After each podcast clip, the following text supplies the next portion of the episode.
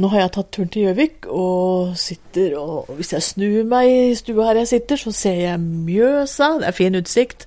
Og jeg er i stua hos eh, Harald Harstad, og du har bodd mange år på Gjøvik? Ja, kom hit i 1971 og begynte som lærer på barneskolen Grande i Gjøvik. Åssen var det for Oslo-gutten å komme til Gjøvik? Det var spennende og utfordrende. Jeg syns det har vært eh, en rik tid. Eh, jeg tror det var en mening med å være på Gjøvik. Jeg fikk uh, være med en god venn her oppe på Gjøvik som heter Kjell Holm, og var med og starta en juniorklubb. Og det var Da hadde jeg jo relasjoner til elever på skolen og andre. Så det, det var en spennende og rik tid. Og det var en ungdomsklubb som du og Kjell Holm drev i mange, mange år? Ja, og vi hadde en gammel skole som var nedlagt. Eh, vi samla opp ungdom fra faktisk flere kanter i byen. Kjell stilte med biler, så vi hadde vel fem ruter. Så det ble en del mil, men i den skolestua så fikk vi lov til å være oss sjøl. Her kunne ungdommene få lov til å herje. Og jeg husker vi kunne komme opp der en vinterdag, og en god venn hadde Svein hadde fyrt opp, og det rant vått nedover veggene. Men der kunne vi altså gjøre det vi ville. Det var et flott sted for ungdom å være. Eh, jeg kan jo røpe det, at jeg var en av de som fikk lov til å være med junioren. Eh, sjøl om jeg sjøl da ikke var noe bekjennende kristen, så likevel så var det plass til meg i ungdomsforeningen som dere to drev. Men jeg tenker altså, du jobba som lærer, og likevel brukte så mye tid og investerte så mye tid og krefter på ungdommer på fritida. Eh, det måtte jo være noe spesielt som drev deg?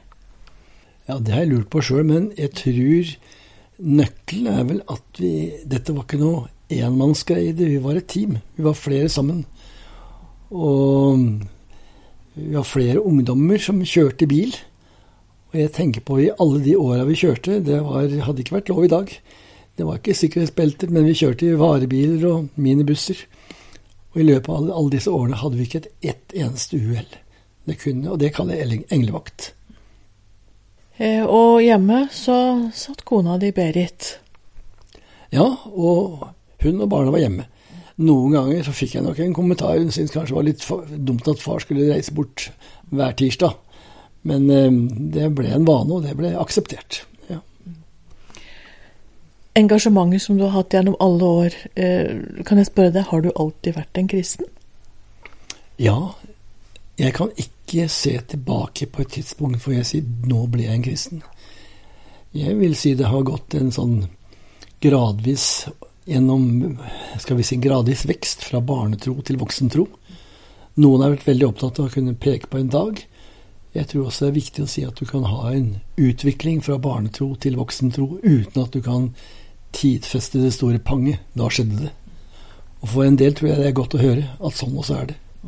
Harald, jeg skal ikke helt røpe alderen din, men jeg kan si at du har i hvert fall levd i mer enn åtte tiår.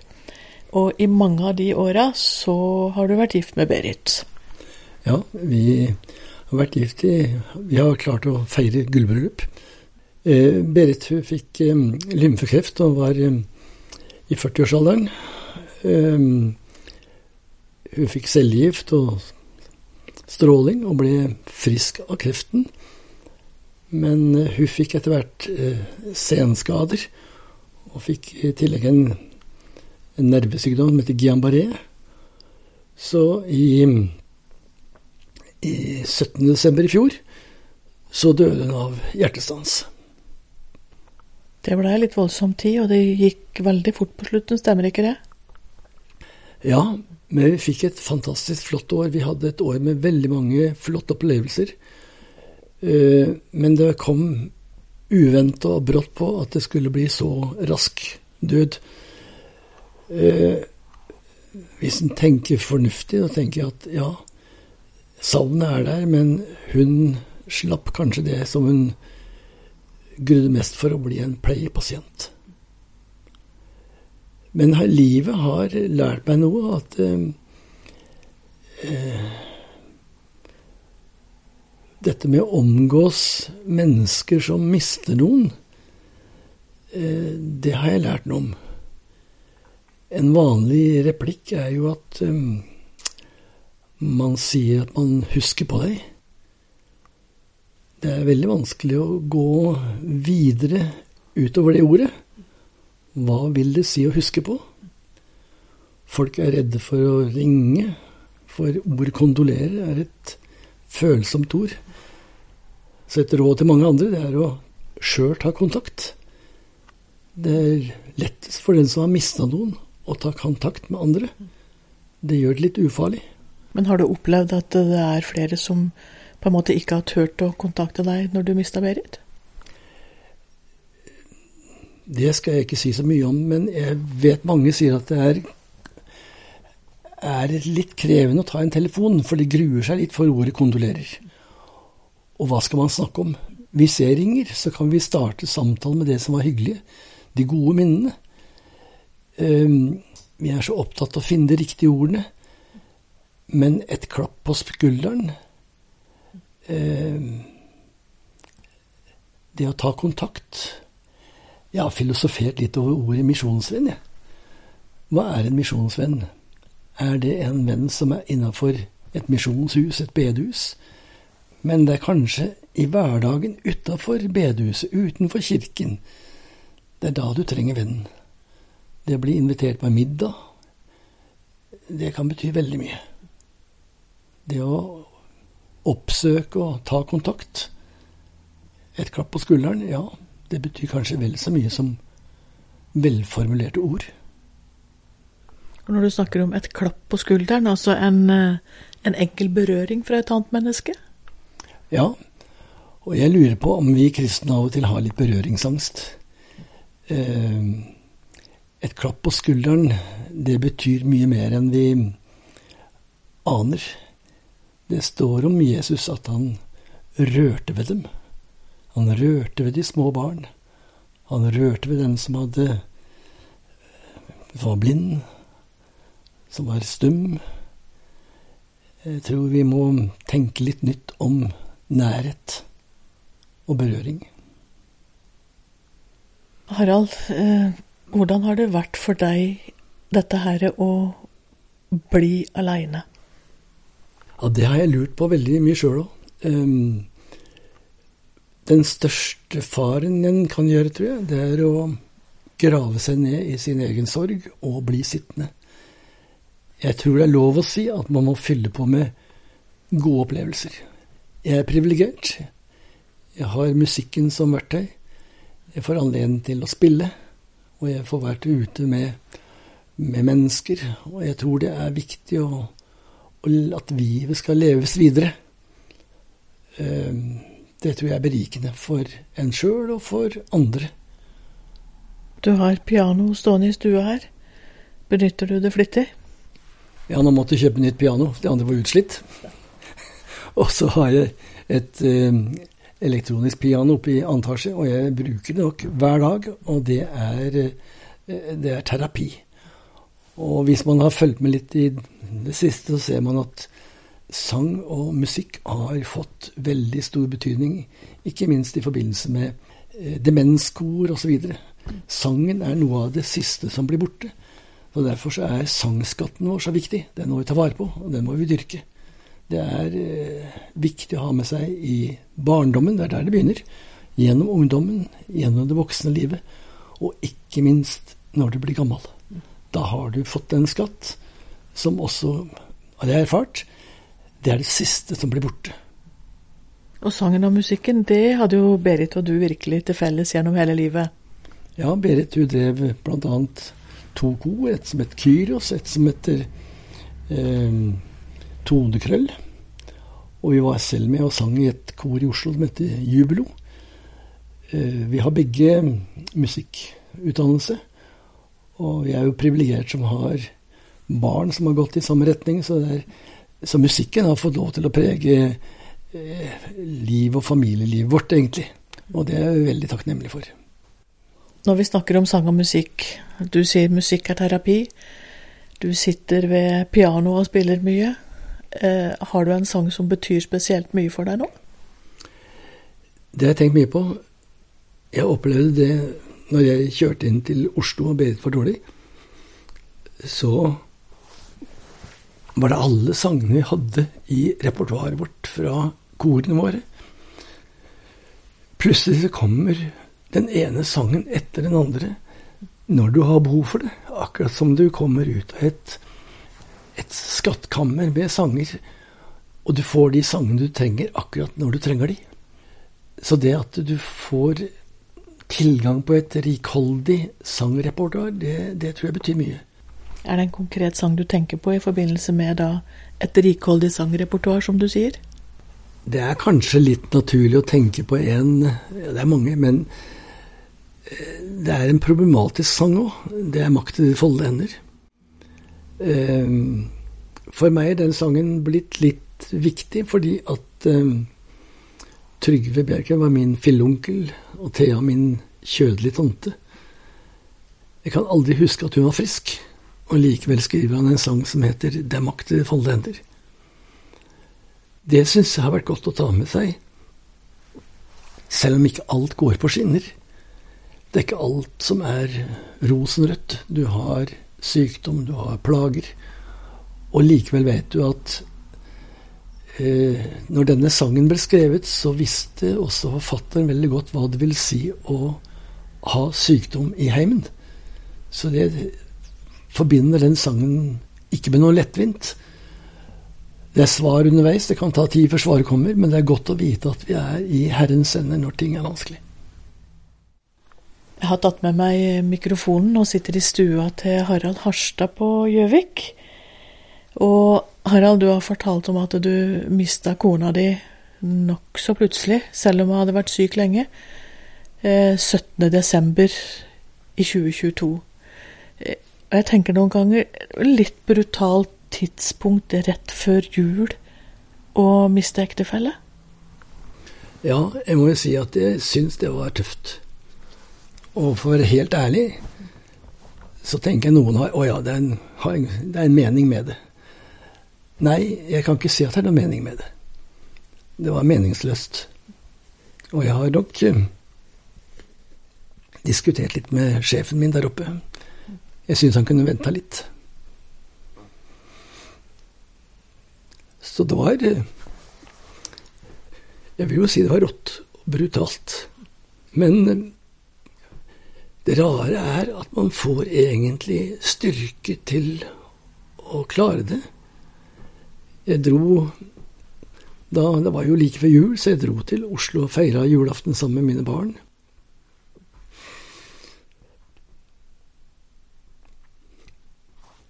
Det å komme hjem aleine, da, til tomt hus? Hvordan var det? Det er jo noe av det rareste. Nå har jeg vært i Oslo, feira jul, og så kom jeg hjem til tomt hus. Eh, ved senga ved sida, den var tom. Der og da så tror jeg jeg måtte bli båret av, av engler. For det gikk veldig bra.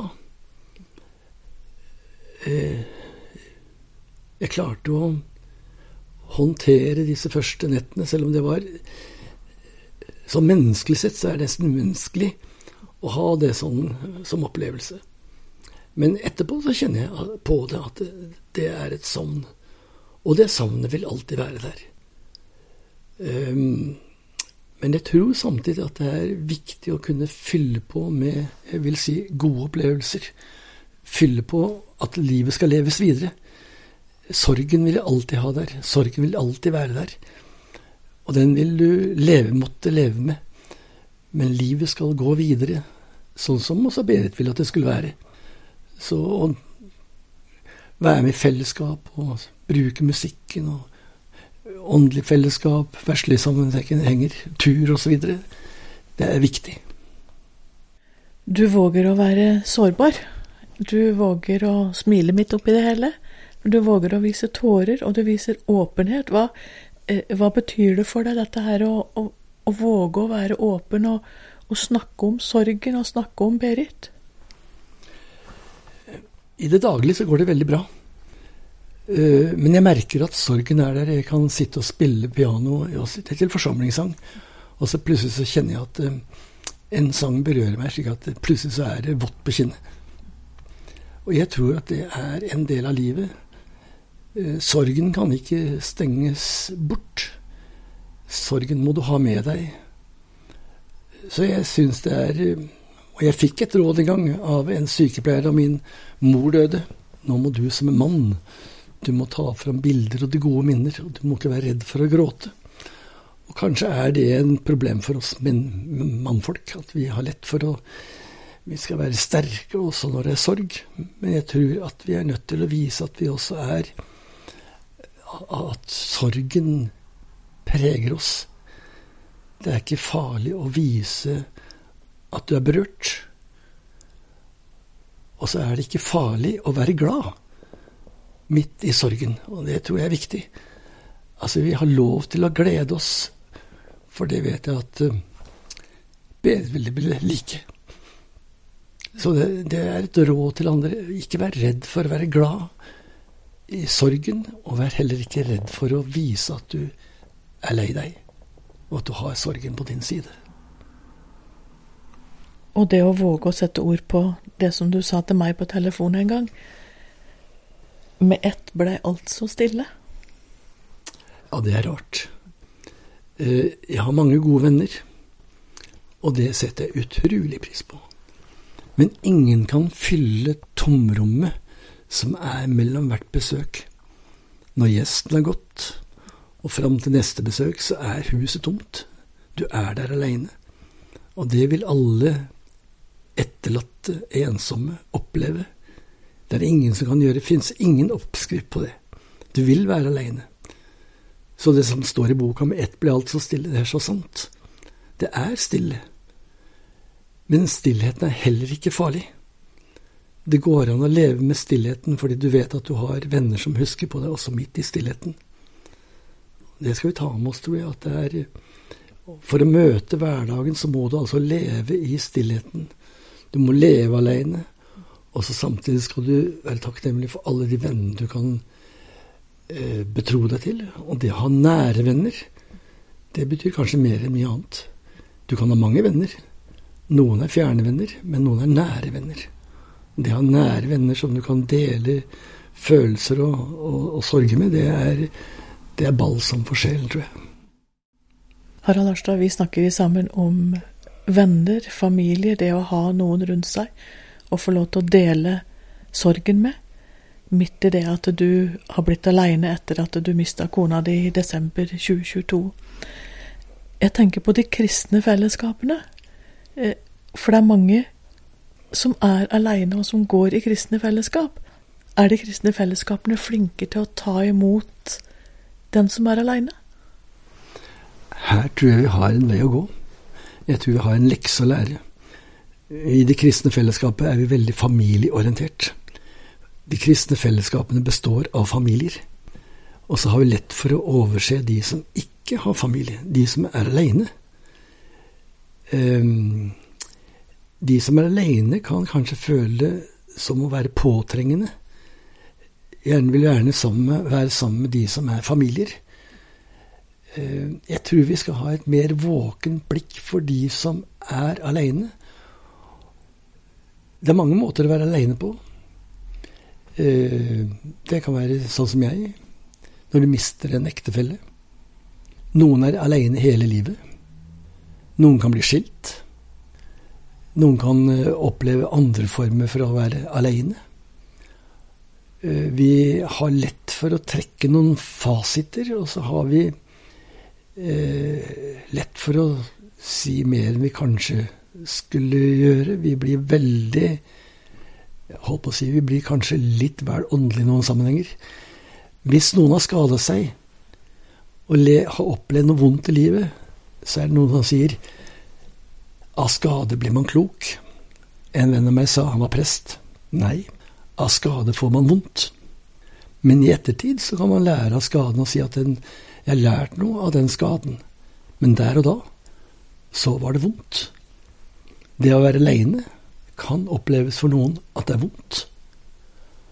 Og da gjelder det at vi er oppmerksom på hva de andre føler. Hva jeg føler er uinteressant, men hva er det den andre føler? Hva er det den som er aleine, føler? Det kalles for empati og innlevelse, og det tror jeg vi trenger å lære noe om, noen å være.